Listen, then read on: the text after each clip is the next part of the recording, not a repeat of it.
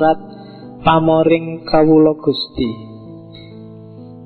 Pamoring Kawulo Gusti itu kualitas hubungan antara Tuhan dengan hamba.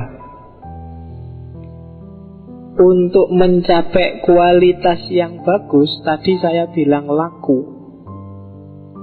Urutannya laku ada tujuh itu. Kalau diserat Pamoring Kawulo Gusti.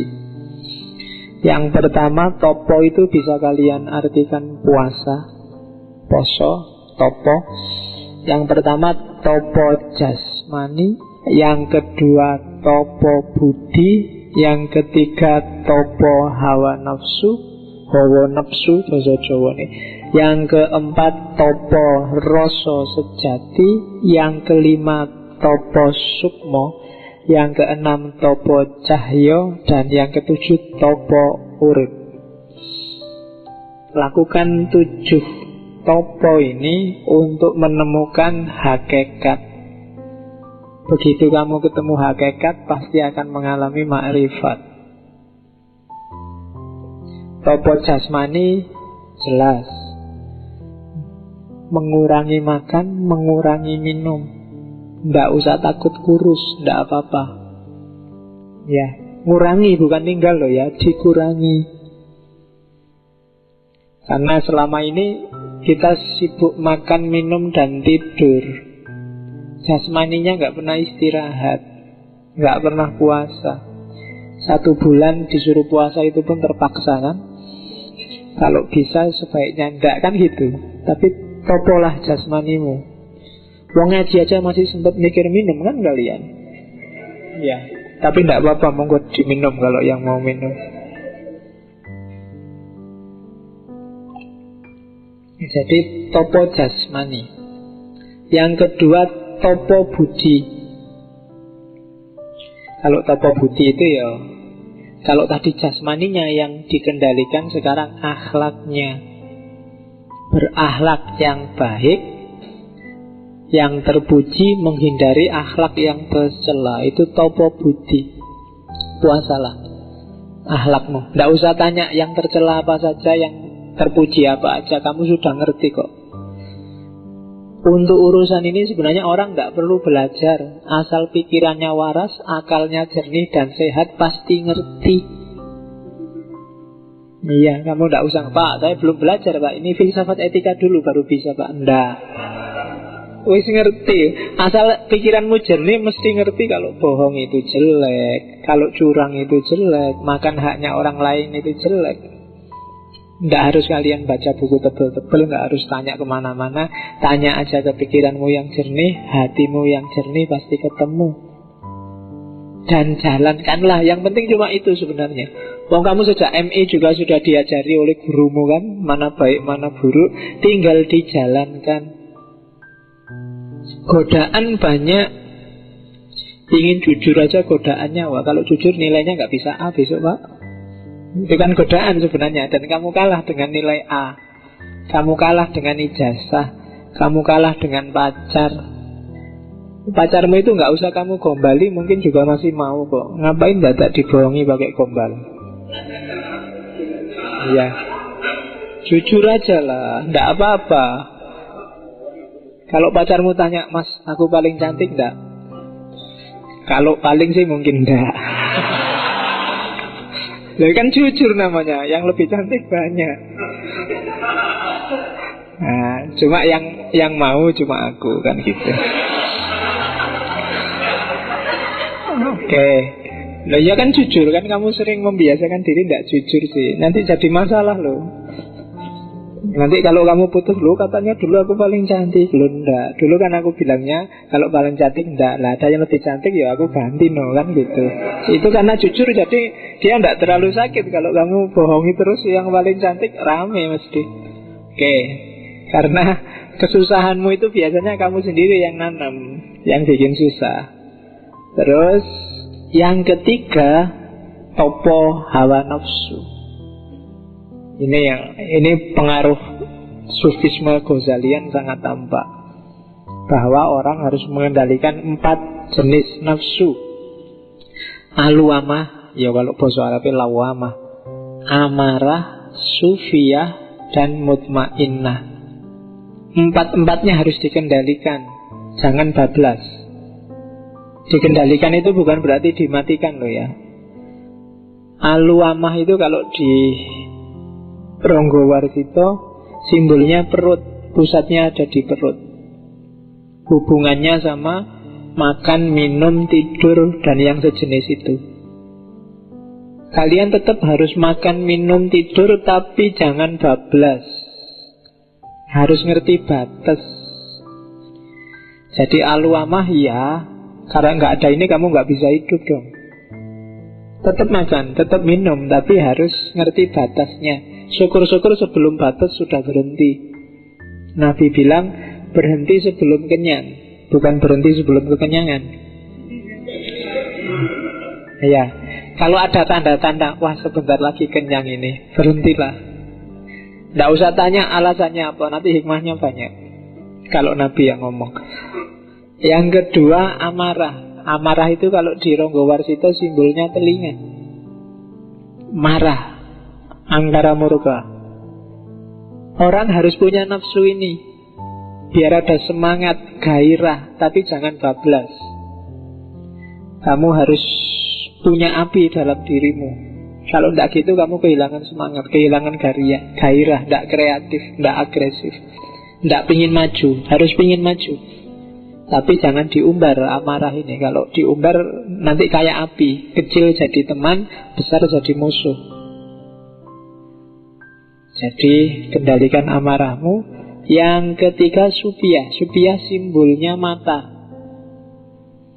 Ini hubungannya sama nafsu seks Gairah natural laki-laki perempuan Yang normal Kadang-kadang yang tidak normal kan ada aja Ya, semoga di sini nggak ada, semoga normal aja. Apa pun yang terjadi lebih enak normal. Ya, tidak usah neko-neko yang aneh-aneh. Jadi supia harus lo ini enggak, jangan kamu bertekad jadi pendeta enggak kawin. Eman-eman. Lo ya kan Tidak boleh ada yang Kan tadi saya bilang Tidak boleh ada yang mubadir Kalau kamu tidak kawin Ada yang mubadir nanti. Jadi harus dimanfaatkan Itu anugerahnya Allah. Cuma Jangan bablas. Kalau bablas jadi perkara. Kamu harus tadi harus ngerti batas. Jadi prinsipnya nafsu ini harus ngerti batas. Kapan harus maju, kapan harus mundur. Kamu harus ngerti mana yang boleh ditabrak Mana yang jangan ditabrak Kalau yang jangan ditabrak kamu tabrak Pasti masalah. Percayalah. Entah besar, entah kecil, entah kapan Pasti akan ada masalah. Jadi nafsu sufiah Simbolnya mata. Saya tidak tahu, mungkin ini karena Ronggo Warsito cerdas luar biasa. Biasanya bablasnya nafsu sufiah ini karena mata. Ketika matamu tidak terkontrol, apalagi yang tiap hari bukai laptop dan loti gambar-gambar dan film-film, itu alamat sudah. Ya, tidak terkendali. Ya paling tidak kamu boros sabun. Oh, Iya, ya tidak apa-apa lah.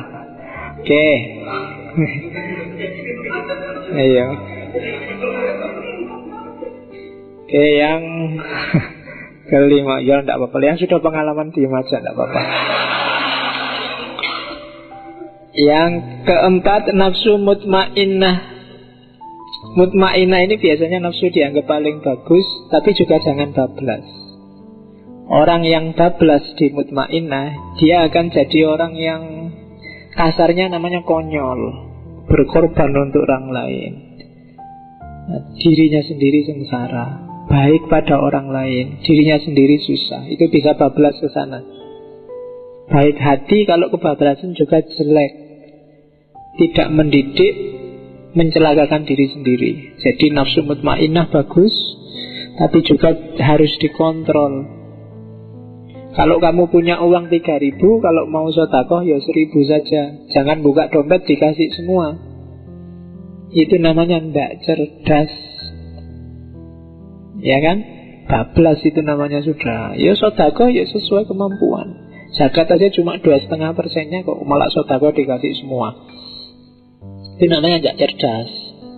Biasanya terus kamu jawab, lu nanti kan balasannya 10 kali lipat. Kamu mau sodako apa dagang? Lah iya kan? Loh ya kalau kamu dagang mikir balasannya berapa kali lipat. Kalau mau sodako ya nggak usah mikir balasan dong, harus ikhlas. Sebenarnya ini sangat sederhana, cuma kadang-kadang kamu kok ya masih ketipu. Jadi ya normal-normal aja lah, jangan konyol kalau bahasa anunya. Sodako ya sodako Bantu orang ya bantu orang Kalau ada orang nggak punya rumah Bantulah, jangan rumahmu dikasihkan Akhirnya kamu yang nggak punya rumah Ya Jadi itu problem jadi itu namanya poso hawa nafsu. Jadi kontrol hawa yang ada dalam dirimu Baik yang di level aluamah, amarah, sufiah maupun mutmainnah. Terus yang keempat topo rosso sejati. Ini semacam sering-seringlah memusatkan perhatian pada Allah. Bawalah Allah ke mana-mana dalam kondisi apa pun, untuk apa pun. Ngaji gini bawalah Allah, ke warung juga bawalah Allah, perhatianmu harus selalu ada pada dia. Kayak kamu sedang jatuh cinta itu loh. Lagi ngaji kayak gini, pacarku sedang ngapain ya kalau pas tak tinggal? Lagi di mall, wah ini kalau tak beli ini dia mesti pantas, dia mesti bagus. Lagi kuliah, ada yang ngampelin nggak ya tak tinggal kuliah kayak gini. Ada. Jadi yang di pikiranmu kan dia terus, pacarmu terus. Nah, gantilah pacarmu itu dengan Allah. Sedang apa pun saja, fokus perhatianmu hanya pada Allah, hanya pada Tuhan. Itu namanya topo rosso sejati rasamu hanya nyambungnya sama Allah. Passionmu kalau bahasanya anak sekarang itu hanya Allah. Yang tidak ada baunya Allah kamu tidak suka. Meskipun mungkin hasratmu mau ke situ tapi ah Allah nggak suka yang begitu. Sama kayak kamu mau beli baju beli jaket terus kalau aku pakai kayak gini pacarku nggak suka. Eh ndak ah. Itu namanya topo rosso tapi yang sejati. Dan yang sejati hanya Allah yang kelima topo sukmo. Kalau topo sukmo itu membersihkan batin, menjernihkan hati, terus hidup harmonis dengan orang lain dan dengan sesama. Jadi gimana caranya kamu harmonis, tidak menang-menangan, tidak juga jadi kalah-kalahan, tidak zoliman au mazluman. Tidak zolim Tidak juga diam saja kalau dizolimi Hidup yang harmonis. Kita bagian dari alam semesta Tapi juga jadi khalifahnya alam semesta. Menyeimbangkan kedudukan sebagai hambanya Allah Tapi juga sekaligus wakilnya Allah di muka bumi. Itu topos sukmo jadi hidup yang seimbang. Kita hamba sekaligus penguasa di level kita Karena kita wakilnya Allah. Jadi tulus ikhlas, batin jernih, harmonis. Yang keenam topo cahyo.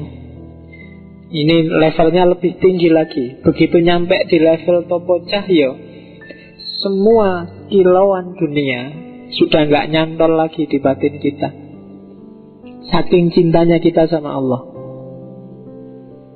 Jadi Segala cahaya duniawi Tidak lagi menarik Buat kita. Satu-satunya yang menarik hanya Allah. Dan puncaknya adalah Topo urip. Ketika Hidup kita 100% sepenuhnya kita pasrahkan pada Allah Bahkan di level beberapa sufi yang filosofis sampai aku hilang, yang ada hanya Allah. Sehingga kadang-kadang tercetus satu hat ana al-haq. Akulah Allah karena aku yang manusia itu sebenarnya tidak ada. Aku ada itu tidak ada Yang ada aku Allah Dan itu level paling tinggi Namanya topo urip Semakin tinggi kualitas kita ya pamor ring kawula Gusti semakin bercahaya. Pamor itu kan semacam ada cahayanya. Semakin level kita naik, ya semakin cahayanya terang. Jadi kalau kita hanya bisa topo jasmani ya cahayanya mungkin tidak terlalu terang. Topo budi lebih terang, topo hawa nafsu lebih terang lagi terus sampai level paling puncak topo urip. Ketika topo urip yang tersisa hanya cahayanya saja. Nah itu serat pamoring kawulo Gusti